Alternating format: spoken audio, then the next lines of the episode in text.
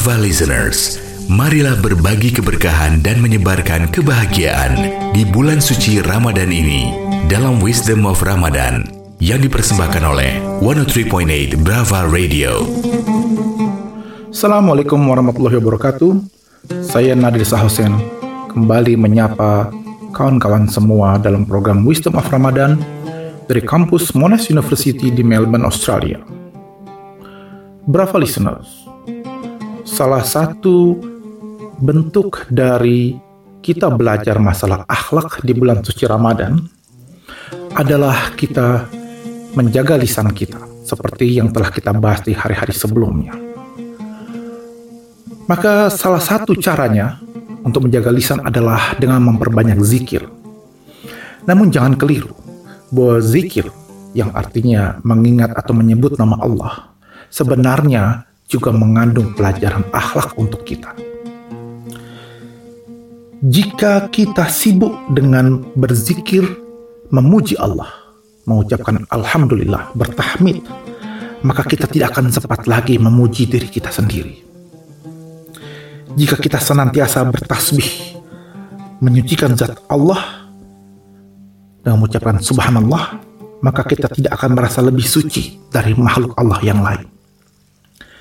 Dan jika kita sering bertakbir Allahu Akbar dalam zikir kita, maka kita akan membesarkan nama Allah dalam setiap derap kehidupan dan kita tidak akan sanggup lagi untuk bersikap takabur. Syekh Nawawi Al-Bantani dalam kitab Nasoihul Ibad meriwayatkan dari Imam Ali radhiyallahu anhu kun indallahi khairan nas wa kun indan nafsi syarrit syarran nas wa kun indan nasi rajulan minan nas.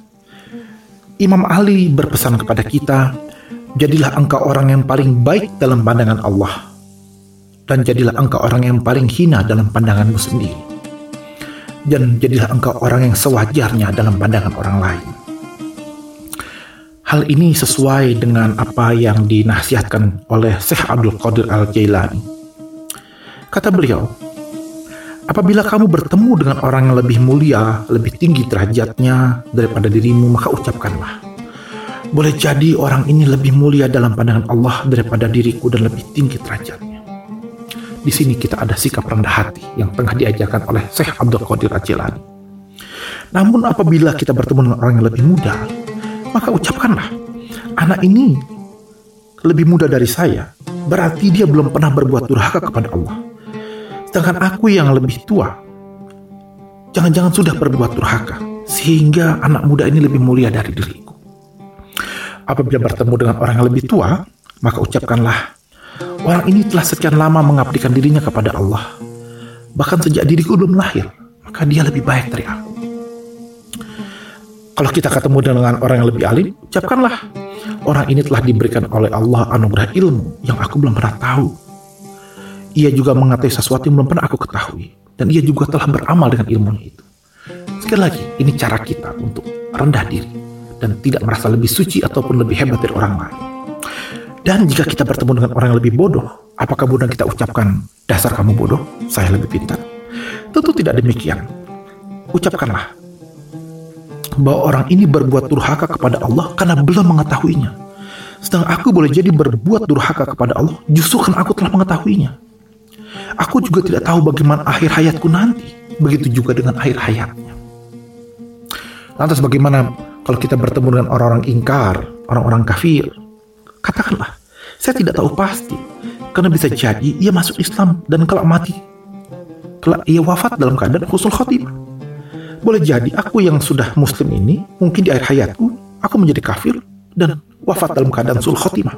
Auzubillah min zalik. Pendek kata, Akhlak yang diajarkan dalam Islam itu adalah kita untuk memandang diri kita tidak lebih baik atau tidak lebih suci dari pihak lain. Sehingga kita tidak takabur, kita tidak merasa kita lah pemegang kunci surga, orang lain masuk neraka semua. Bulan puasa mengajarkan kita untuk mengontrol diri kita. Bulan puasa mengajarkan kita untuk melihat introspeksi ke dalam diri kita, sehingga kita hanya sibuk memikirkan kesalahan maupun kekurangan diri kita. Ketimbang sibuk menghakimi ibadah orang lain, sibuk kemudian menilai hati orang lain maupun sibuk untuk nyinyir terhadap amalan-amalan orang lain. Kita lanjutkan esok hari. Insya Allah biiznillah. Wassalamualaikum warahmatullahi wabarakatuh. Profesor Dr. Nadir Syahosen, Rais Surya, pengurus cabang istimewa Nahdlatul Ulama Australia New Zealand untuk Wisdom of Ramadan. Wisdom of Ramadan dipersembahkan oleh 103.8 Brava Radio.